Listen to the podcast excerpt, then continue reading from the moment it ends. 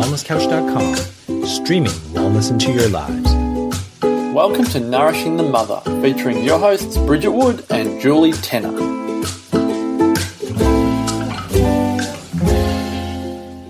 Hello and welcome to Nourishing the Mother. I'm Bridget Wood. And I'm Julie Tenner. And today's podcast is How to Stay Open in the Face of Discomfort.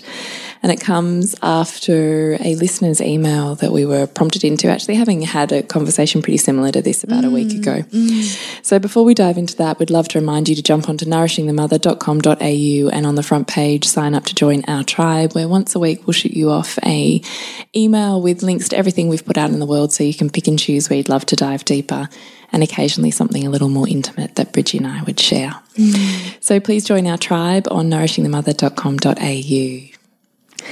So I'm going to dive straight in with this email, if I may. I would love to hear it again. Hi, Bridget and Julie. Thank you again for your wonderful offerings. I have been listening to your podcasts, sometimes twice, to absorb the wisdom you give out. You ask, What do I yearn for? My authentic self. That the person on the inside can be seen on the outside. That the inside dark spaces can soften and be accepted to help me navigate my life. It's rediscovery and recovery from divorce after 25 years of what I've come to understand as being lost in service. Thanks for that insight. Where is my greatest struggle? Triggers. Your podcasts have really opened that up for me. With my children, my ex, his new partner, work, my experience with childbearing, myself. At times it can feel like a pinball machine, but I see lots of learning about myself in these triggers. Seeing the good in the struggle has taken time to open too, and it does ship me to tears sometimes. Mm. Why does it have to be through struggle? I would love to learn from positive experiences. Maybe this is what has drawn me to you. I feel I am ready for the voyage and can't wait to dive in. I've oh, got this so much. I don't there even is, know where to there start. There is, and I, I mean, you know, we say all the time, like, email us, and you know, we love this because we really do love it. Like, to, genuinely, we love it. Yeah, yeah, it gets us to really think about um, such big stuff, you know, that, that culturally we really don't get called into facing because mm. there's a, a zillion and one ways to not have to call yourself into those spaces within. So I suppose we could probably kick it off with, you know, the, the theme, which essentially is, you know, how do we make safe or, you know, stay open in that mm. face of that discomfort? How do we, you know, when we want to run, stay. Mm. And this is, in fact, a conversation I was having with a, a dear friend of mine who's a new mum you know, and she's really struggling with her baby's cries um, mm. and and her desire to fix them, um, and and all the beliefs that it brings up in her when she fails at that, mm. because you know we're so conditioned to see a crying baby as something to fix, something to mm. manage, something to, you know, make more comfortable mm. because it's uncomfortable to listen to and be mm. with. Mm. But it, you know, ultimately, it's a reflection of, of what we can't be within our children, is what we can't be within ourselves. And our mm. children call us to widen that window of tolerance for them and in turn for ourselves. Mm. Totally. You're looking at me like, Julie, what's the next step? I'm just waiting for your wisdom to pour out. I've set the stage. Oh, there's, oh, look, it's, I feel like I need to bring it down because there's so much whirring in my head. Yeah. I'm kind of having trouble bringing it to a focal point. Um, how to stay open in the face of discomfort. Well, actually, let's start with tonight because it's fresh in my mind, and then I'm sure my, my catalogue in my mind will move forwards. But tonight I had a um, conversation with my daughter that ended up with her in a puddle of tears because she'd been rather, um, in inverted commas, verbally abusive to my so she's my second to my third outside. And she thought I couldn't hear her or see her. Mm. and I could. Mm. and I was not happy with what was going on at all. And so I kind of metaphorically dragged her into the room to have a, a chat with her. Mm. and she's all you know huffed up puffed up. You know I can see her shoulders are dragged up towards her ears and and she kind of arches forwards. And I feel like it's like armor. Like she's got this mm. armor on around her heart you know. Mm. And I think to some extent we all do that. Like whenever we're ready for a fight, we put on this physical armor. Mm. And so sometimes I think my job as a woman and as a mother is to de armor. Mm. And I think it's the hardest lesson for a woman in particular to learn because because we are Are we given so many reasons to armor up? Yes, thank you. I was trying to mm. think what the the way was to say it. Yes, because we're affronted so often mm. in so many ways, and very often physically and sexually, mm. and and that armoring just kind of like a rhino skin just becomes thicker and faster. You know. So I also think it is really hard to ask ourselves to just be these open, loving flowers all of the time. And I don't think that that's possible. I think if you were open all of the time, that you would have energy just pouring out of you Yeah. and there would be nothing left. Mm. So I also think you could die a slow death. Mm. That way, I think there's quite a nuance between opening and closing, mm. you know, expansion and contraction. Yeah. Anyway, back to my daughter. So she's puffed up and armored up, and she's like the rhino. You know, she's looking at me over her eyelashes. She's angry that I've pulled her up on on this behavior, and um, you know, everything's I don't know, I don't know. You know, God, you know. so grating. Okay, so you know, I just keep going. I just keep reminding myself, and there's nothing that gets my goat more than than someone overpowering someone else, which is my mm. bullying story, right, as a mm. child. And so, bang, I see this happening with my old this older sibling taking on the this- power role yeah. and overpowering and quite aggressively the the weaker in inverted and commas. they're already in a powerful role. So it's like my trigger. I'm like, you know, having- in. Yeah. And even as I'm talking to her and I'm reminding myself to open, I can feel myself wanting to be like, and this rise of anger, and I just want to tell her off. And then I have to remind myself, whoa, hang on, she can't regulate if you can't regulate. Yeah. Bring She's it not back. hearing anything. She's not hearing Well, anything. and she can't, like in terms of even mirror neurons Yeah. that not only you know are we mirroring past experiences but she's literally embodying and mirroring me Mm. if i'm in a triggered state she is mirroring my triggered state Yeah. Mm. i set the tone and i can't ask a child to do something that i cannot do Mm. as an adult Exactly. like and I really have been sitting with that lately. So, you know, I can feel the rise of anger. And so I stop speaking and I just breathe it in and I make myself look at her and really absorb her. So this is part of opening, mm. watching watching their skin, watching the softness of the light on their cheeks, looking at their paws, looking And at it gets you deeply present with them as opposed to your story. Right, exactly. And this is part of opening. So you mm. come out of your trigger and you come back again. And ultimately, what I'm trying to do is talk to her about the fact that she's what we call mud throwing. She's got all these feelings in her body mm. that she's like a corkscrew wound up through her whole day. And then God, the divine, the universe, whatever you want to call it, goes, or you, you know, mm. she's not quite there on that leap yet, mm. is, well, you know, you haven't consciously stopped to spend time with these feelings that are mm. just corkscrewing deeper in your body. So I'm going to give you the biggest gift I can. And here's your sibling who you can't escape from, who is going to literally press release on that spring for you.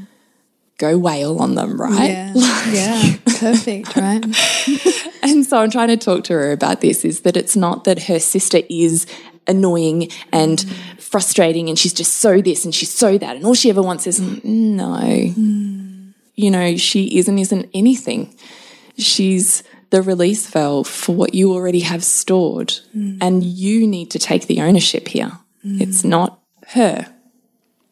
And I think this is a really interesting point and she gets it. Yeah. And, um, you know, we talked about, and in the end, so we've talked about this, and so she, I can feel her. I'm staying open now. My triggers kind of, I'm breathing through it. So she's starting to open, and then she goes, Well, actually, and then pour out comes the thing that had happened during the day, right? Yeah, and there's the- always there's always something. And then we talk about the meaning. So it's not just the thing, it's the thing that leads on to the thing that you've already decided in your mind means X, Y, and Z, and so on and so forth. But when we were talking about this, and uh, look, long story short, she um, has lost a school hat. Now, tomorrow we have a special event at school that the kids have been told categorically they have to have their school hat for or they will miss out on it. And so she's got major FOMO to the point of, of tears and, and total meltdown of she hasn't, she's lost her hat this week, can't find her hat. And so she, she's going to miss out on this thing. And in my mind, I can hear myself wanting to to her, wow, look, it's bloody $14 because I buy her another stupid hat. Oh, I could just email her teacher. Oh, I'm sure it'd be fine. But what I choose to say to her instead is, okay, so if you missed out, what would happen? Mm. And we talk about the scenarios. We talk about how she could stretch that into being something that she would enjoy. Mm. We talk about all of these options. And I said to her, and even if this thing happens and you miss out, and in that moment you're standing there, you don't have to put your armor back on. Mm. You could choose to stay with an open heart and speak your truth. Mm. And here's the thing with speaking your truth when you speak your truth, someone else's body can recognize that truth mm. and they will sparkle something back to you. I love that. Or you can choose to, you know, like duck feet paddle. It's okay. It's okay. I'm okay. I shouldn't be doing this. It's not okay. No one's going to, you know, and people can't recognize in their bodies what your truth is. And so they behave differently around you. And you often don't like the way that feels. Mm.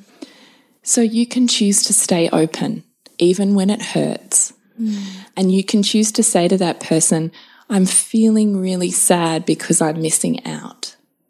And I bet with your open heart, even in pain, you will find something pretty miraculous comes back to you.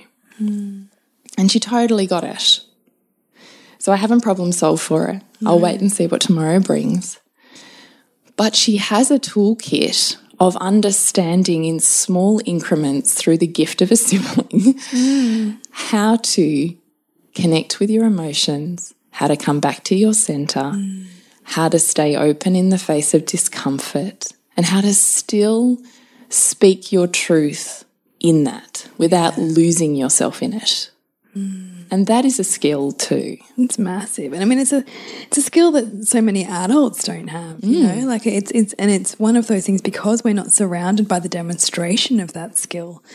It's a stacking thing through these conversations over and over again. And I, what I love is that for every time we as parents are called into these places of discomfort with our children and being with their discomfort, we widen our window of possibility to be with that in ourselves. Like yeah. every time you're teaching her this, you're teaching yourself this. Yes. And likely on some level today or this week, you needed to hear that too. Because, oh, I don't doubt it. Because who doesn't? Well, I feel like I need to hear yeah, it all the time. But anyway. like, but whatever advice we give other people is for ourselves. It's like our subconscious talking to us. Yeah. And so that is so genius. And that is again, we come back to this all of the time.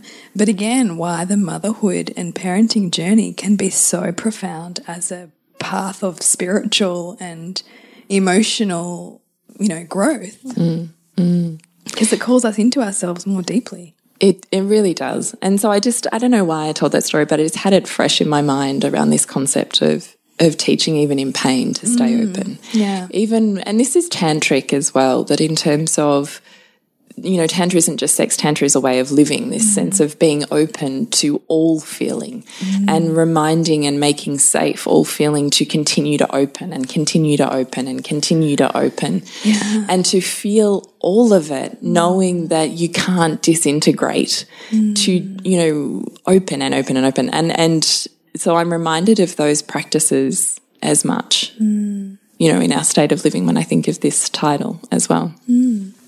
So coming back to this email, um, you know, I found that interesting. Is what did she say? She said something on there about why does why do the lessons always have to come through the hard through, stuff? Through struggle, and you know, wouldn't it like them to be from positive experiences. Yeah, yeah. Wouldn't we all? Right? Would we learn? Yeah, though, wouldn't we? We don't, right? We don't learn the same way. I think we're so wired to just, you know, crave pleasure that we rarely stop and actually. I mean, you think about the pleasures that you have. Mm. Like, I've just renovated a house. I've already forgotten about the pleasures of a floor yeah. and a wall, yeah, and a ceiling. And yet, that was all you were yearning for. It's all I, right. Like that was that was like you were like you know kind of clawing yourself know, like into... and running water. No, I still actually begrudge you for running water out of a tap. I'm like, oh my god, it's a miracle. but my point is more that if all we experienced was pleasure, we would stop taking it. We would start taking it for granted. Yeah. We would stop being in reverence for it. Mm. It's, it's, like you can't know happy if you don't know sad. Yeah. You know, we know things by their opposites. Yes, exactly. And so I, you know, as, as hard as it is, I actually think you know, you could, con if you were conscious enough, I think you could reduce the pain that you're running into at some level. I think you could learn the lesson down potentially at the feather or the brick. You don't have to get to the sledgehammer. But we're not all conscious all of the time of everything. So we're still going to hit sledgehammers in different areas of life. And it depends on what and your, you know, what your purpose and mission is too. I mean, like if you're, you know, on some level, you know, really calling in some pretty profound growth. For pretty profound growth in a lifetime, you're going to hit huge challenges because they are ultimately what births massive transformation in us. Mm. Um, so I totally believe in yes, the feather, the bricks, the sledgehammer. But for some people and on their mission, I can, that's, you know, you see, like you know, look at Elon Musk, like the mm. amount of incredible challenge that he mm. calls in. But it's like I think it says in his book, he's like the challenge gets bigger and he just gets better. you know, he just it's like it's like just he just gets better because he Yeah. finds eh, he he he, does, he doesn't you know like this is a universal principle you don't get a challenge that we can't handle. So mm. he is given some of the biggest challenges that you know any human living in this planet right now is being given because he's calling it in because he mm. can handle it. And, you know, and most of us mere mortals are like how the fuck do you do that? But you know who knows how many thousands of lives he's lived before you mm. know to be to be at that level now it's, a, it's another discussion and it is, but also different areas of life. yeah too. totally yeah yeah and what is pain? And what is trauma? Mm. You know? yeah exactly and for and one person's trauma is another person's you know speed hump Yeah. like well, it just it just depends on what your values are it depends on what your past experiences are it depends on what you define as trauma like Mm. it's very nuanced um, well, trauma is is a reaction to an event. Mm. The event itself isn't traumatic. the event itself's neutral Yes. Which is also fascinating. Anyway, I feel like we're off topic Mm. We are a little bit. Um, but if we're talking about this, you know, back, back to this principle of, you know, how do we, you know, stay open in the face of discomfort? I mean, a simple one is, is even just the discomforts that our bodies bring us, you know, and, and we, Instead of popping Panadol. yeah, you know, like, because that is, a, we, we're in like a pain, a pill popping culture where there's a zillion and one ways to not feel. Um, but the implications of that is that that we, you know, as you talk about so often, we dull our capacity to feel all of the things if we're only willing to feel a portion of them. And so, you know, even today we found ourselves in the car like 20 minutes away from a shop, and my son was like at that point of like crying because he was so hungry. Because it was just, well, you know, those times where you're just not prepped and you just get in the car and you're like, oh, fuck, we forgot about lunch. and, um, you know, so, you know, I could either get plugged in to his constant whining and discomfort and desperation um, and get frustrated, which is where my husband was leaning actually. Um, but instead, I thought this, I was thinking to myself, this is a wonderful learning opportunity because I don't think he's actually really ever had to get that hungry. Um, and so it was, you know, a conversation in terms of learning about his body and like what that feels like when your tummy is like so hungry that it almost hurts because you're just starving and how you know how do you deal with your emotions in that? Like i was talking to him about how sometimes i get so hungry i'm almost angry and then i cry because i'm you know mm. can't handle the feeling of being hungry. You know and then after we'd had lunch and he'd obviously eaten quickly and then he had a terrible tummy ache then it opened up the conversation of yeah because you were so hungry your tummy was like you know almost stretched because you ate all this food so quickly and your digestive system was overwhelmed and so, you know, we learnt all of this stuff just by simply staying open with the sensations that he was having to face physically and emotionally, instead of, you know, feeling me feeling bad or me like wanting to shut it down or me, you know, like, you know, all of those other things that we can get plugged into when our kids are, you know, demanding or mm. having a hard time. Mm. And it's another simple way of how staying open with the range of feeling that our kids can bring us can help them connect more to themselves and to their bodies when we see that as a as a learning opportunity mm. as opposed to something to avoid or shut Fix. down or fix fix for them you know because it can be so easy to like scramble to fix their problem but mm. but there's you know there's wisdom in their problem. Mm. And and and you know we take away the opportunity to find that if we're always preempting or you know being one step ahead of, of any challenge they might face I think it's an illusion that we can create a world in which our children experience no challenge, mm. no pain, mm. no sacrifice. I'm not sure what type of person that creates. I think it creates an entitled person and a person that's out of touch with, you know, the plight. Mm. I I think about this in terms of like the plight of humanity and like how can you possibly um, feel into another human's experience if you're unwilling to feel the feel the depth of Feel your own. If you feel feel your own and also mm. be willing to be affected by another human's experience. Mm, which in and of itself is being open Yeah. Mm, rather than tended to. Yeah. There's, there's real merit in that. And I think we disconnect from our heart when we try to avoid that. Um, and, and, and, the, and the depth and breadth of what a human experience offers. Mm. So when you read this title, what is it that you thought about? I think it's this constant question that I ask myself too, like, because I think about what I'm modeling as a, as a mother and, and and how I face my own frustrations and annoyances and and and how to rather than try to change those states within myself, how can I be more okay with my frustration and that as an emotion?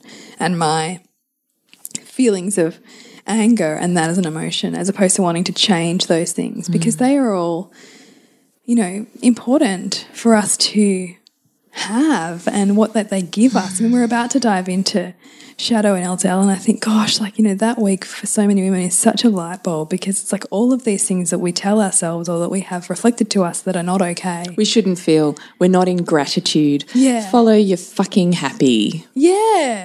Just, or, you know, just be kind or be kind always. or, you know, like you end up bipolar if you're trying to, you know, follow all of these, you know, society, socially acceptable, you know, and you'll know what yours are because you won't, because it'll be what you can't handle in your kid. It'll be what your child, you know, it'll be your It's true. They're such an excellent mirror. you know, like they're you know, in because I've noticed my like I've been On me, I've got to charge an entitled. Entitled, entitled, selfish. Yeah, you do, you do, and, and I've been like I've been like like riding my son a bit more lately because he's home so much. Uh, I'm getting him to do more jobs around the house, and I felt heard myself saying, "I don't want an entitled child." oh my god.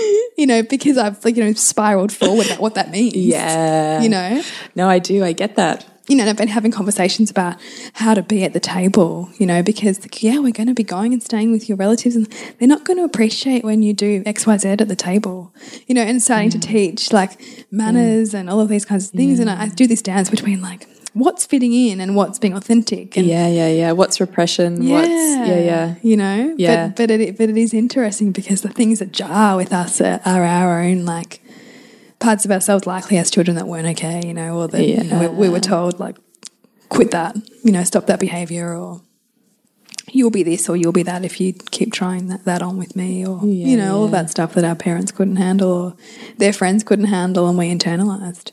Yes, I do. I get it. So, how do you stay open? Think about even in your relationship, in the face of discomfort. Yeah. I breathe a lot. Mm.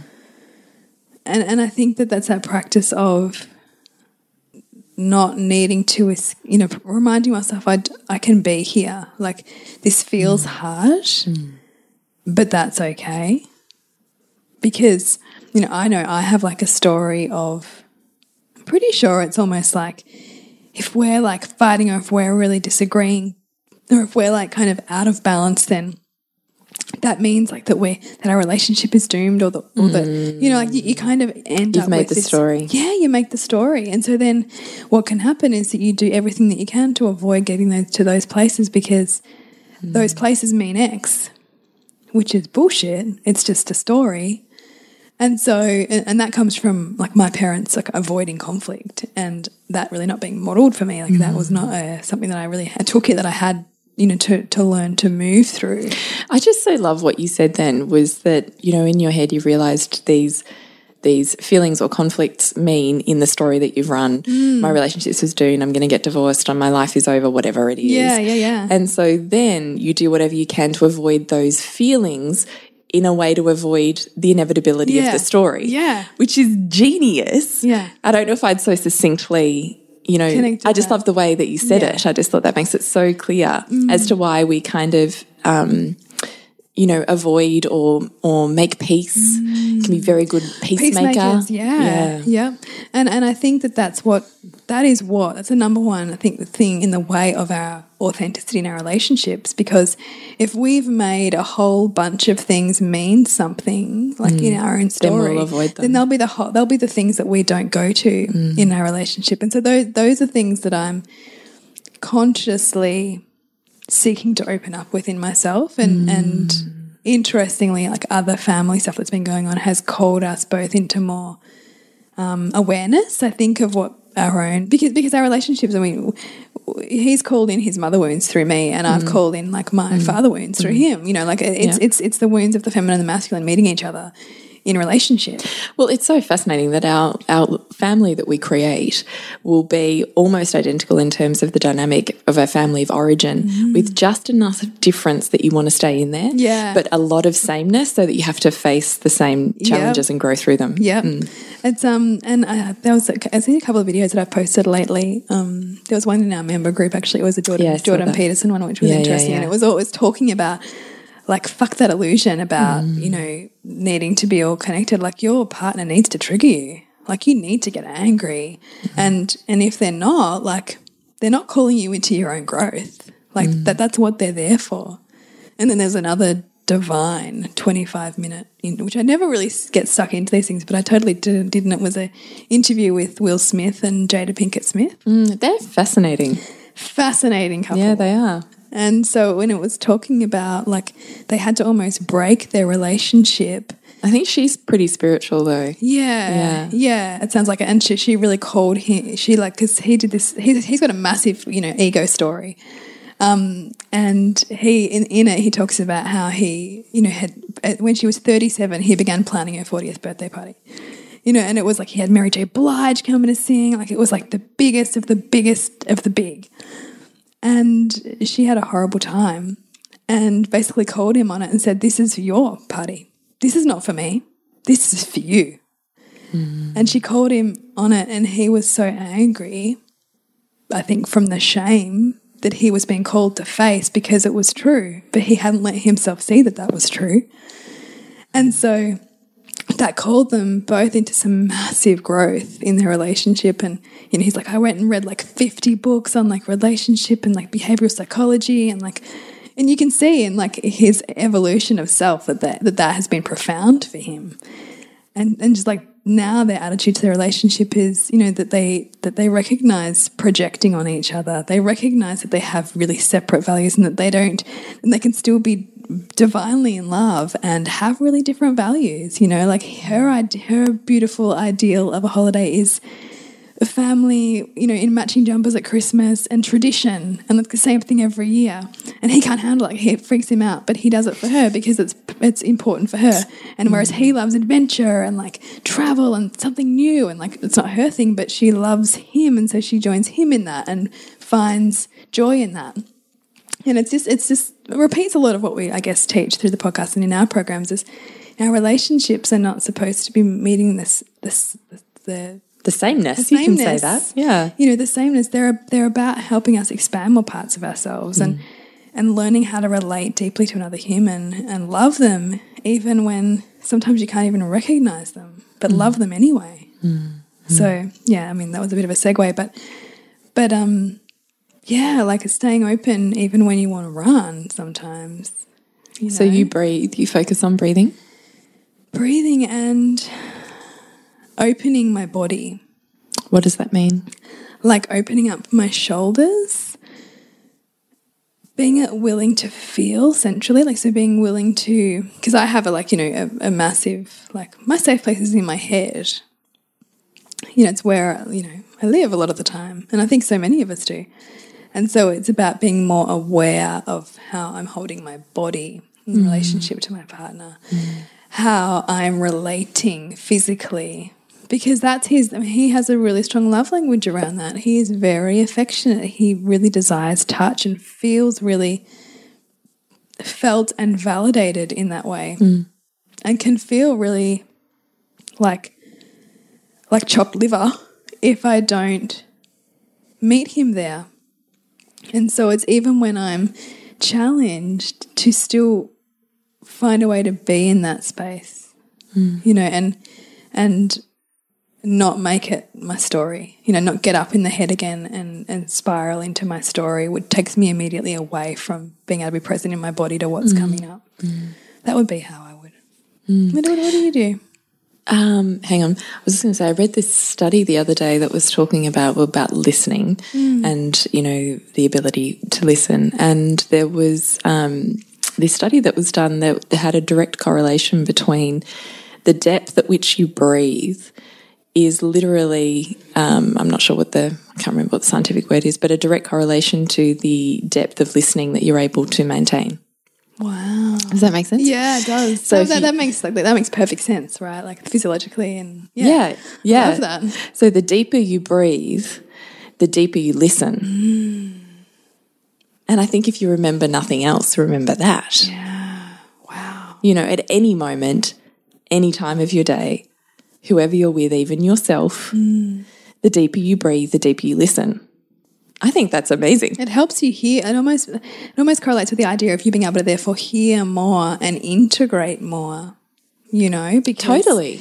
because you're Because you're remaining open, because you're able to metabolically listen. Mm. It's fascinating. that is anyway, I just uh, was thought about that as you were saying.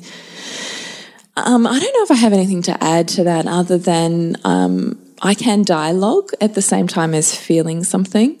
So um, that helps me deal with the trigger when I'm, you know, oh, I can be with my kids, but you know, not not probably so much by myself. I'm feeling really angry right now. yeah. I'm just going to go and do this. Yeah. And then I'm coming back, you know. And if I'm with my husband, I say, well, you just said this. And so now I'm thinking that. And my body is now doing this. And now my head is here. Mm. I just need you to know where I'm at right now yeah because it completely changes the way that.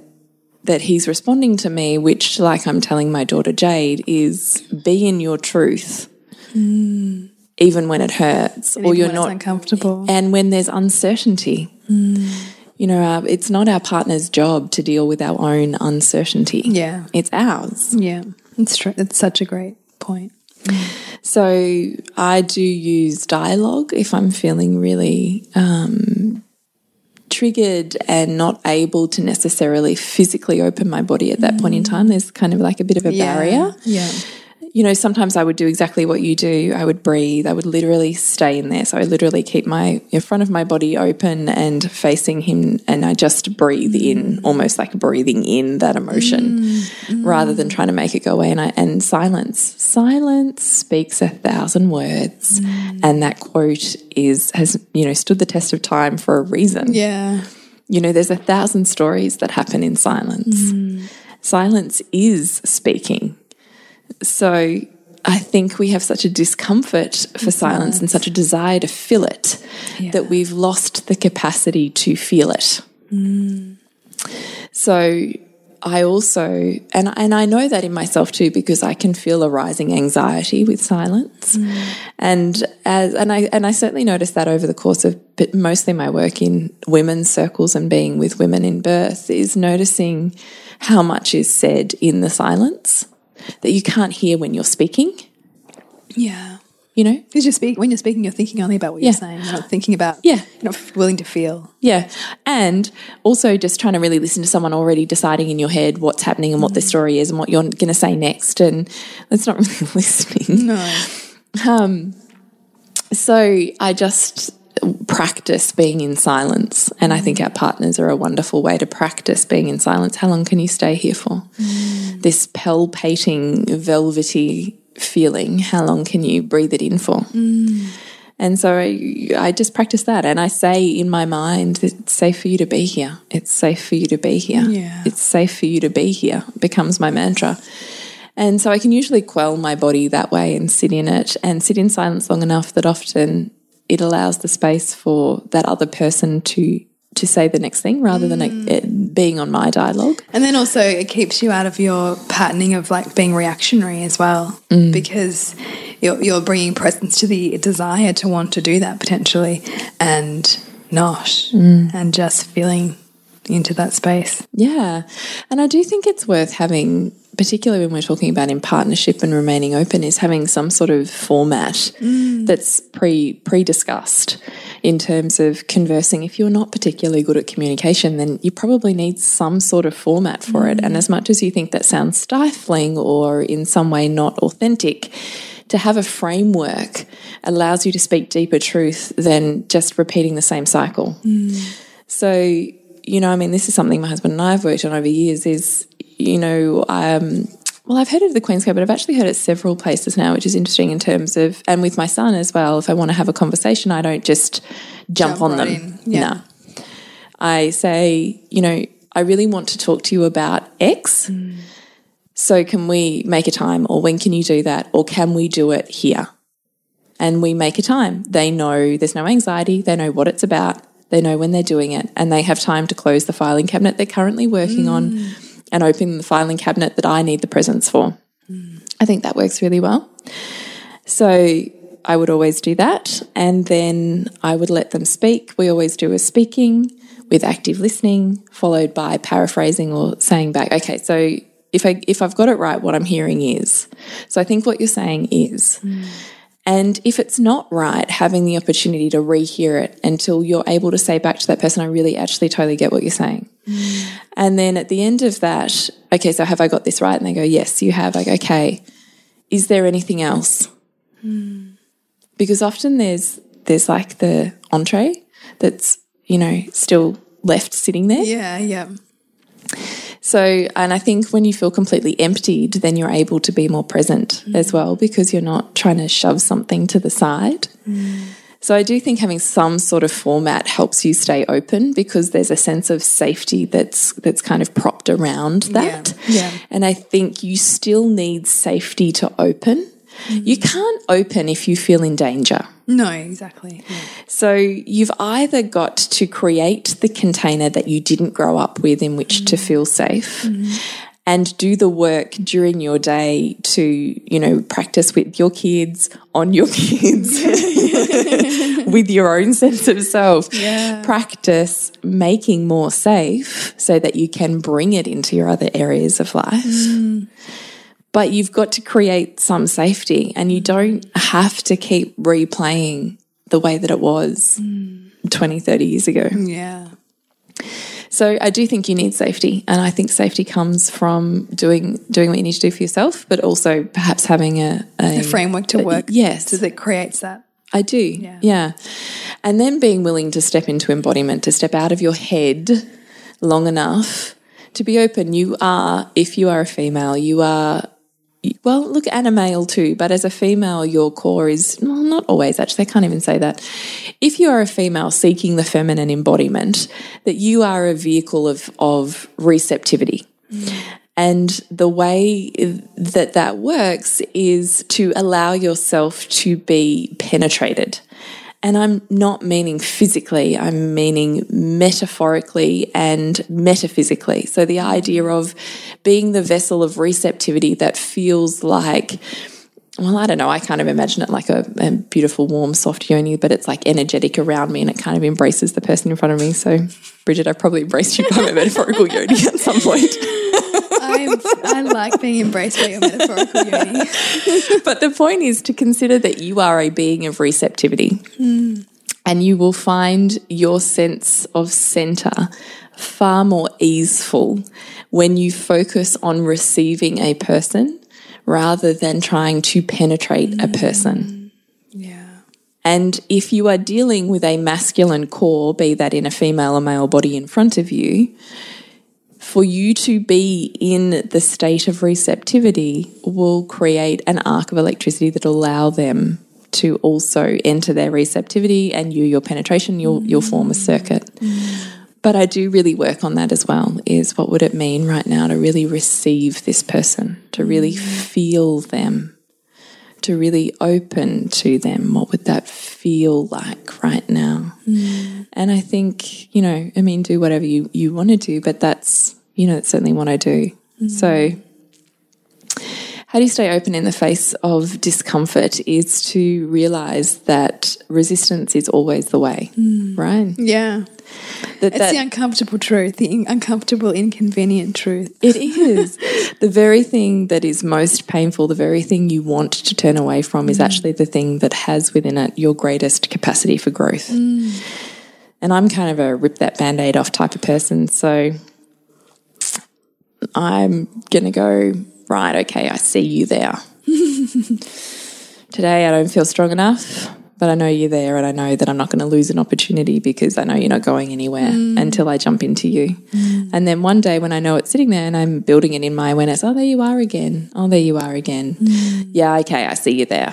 Oh, that's really starting to get a little bit more painful. oh, now that's really like creating rifts in whatever area of life it's in. Okay. All right. All right. What do I need to do to, you know, build the skills that I need to be in this dis- discomfort and move through it? And that's growth. Hmm. And I think it's easier when you do it with a tribe and, and don't think that you are responsible for having all of the answers for yourself hmm. because you can't often see No, the wood for the trees. You so often can't. So I hope that you've gleaned something out of staying open in the face of discomfort and mm. realizing that, you know, if it was all sunshine and rainbows or beer and skittles, as Bridget says, which I love, that you would probably end up taking everything for granted. I don't think mm. you'd actually have the, the dramatic steps of growth. But at any point, you can choose to enter the pain rather than turn away from the pain and switch mm. it off. Yeah. So we just invite you to consider what that might look like for you. And thank you to our beautiful listener who wrote us an email and Yeah, you know prompted you. this train of thought. We really do enjoy your emails. We really are incredibly grateful that we get to share this time with you, our gorgeous listener, who we know your time is precious and we're in your ears and you're part of this tribe. And we honestly just makes our heart sing without Mm, so sounding does. cliche, but it really does. We So- do like a little happy dance when we get these emails. 'cause it's like, oh, it's just, and so often we read them in the midst of like a crazy day or just you know, overwhelm or whatever it is, and it's like, oh, it's so nice to be touching people in this way. Yeah. So It really is. Mm. So please email us. And if you've got a topic suggestion, we would really love to hear it. I think we're much better with questions than we are mm. Necessarily riffing on our own Yeah. topics of choice. so please email us or private message us through Facebook or Instagram, which is Nourishing the Mother on both. And we're now on Pinterest as well. Mm-hmm. What else? How to connect with you, Bridget, suburbansandcastles.com and you, Jules. is thepleasurenutritionist.com. Remember to nourish the mother to rock the family. And we'll see you next week when we continue to peel back the layers on your mothering journey. This has been a production of TheWellnessCouch.com. Check us out on Facebook and join in the conversation on Facebook.com forward slash The Wellness Couch. Subscribe to each show on iTunes and check us out on Twitter. The Wellness Couch, streaming wellness into your lives. Whilst the Wellness Couch presenter endeavor to provide accurate and helpful information to their listeners, these podcasts cannot take into account individual circumstances and are not intended to be a substitute for health and medical advice from a qualified health professional. You should always seek the advice of a qualified health professional before acting on any of the information provided by any of the Wellness Couch podcasts.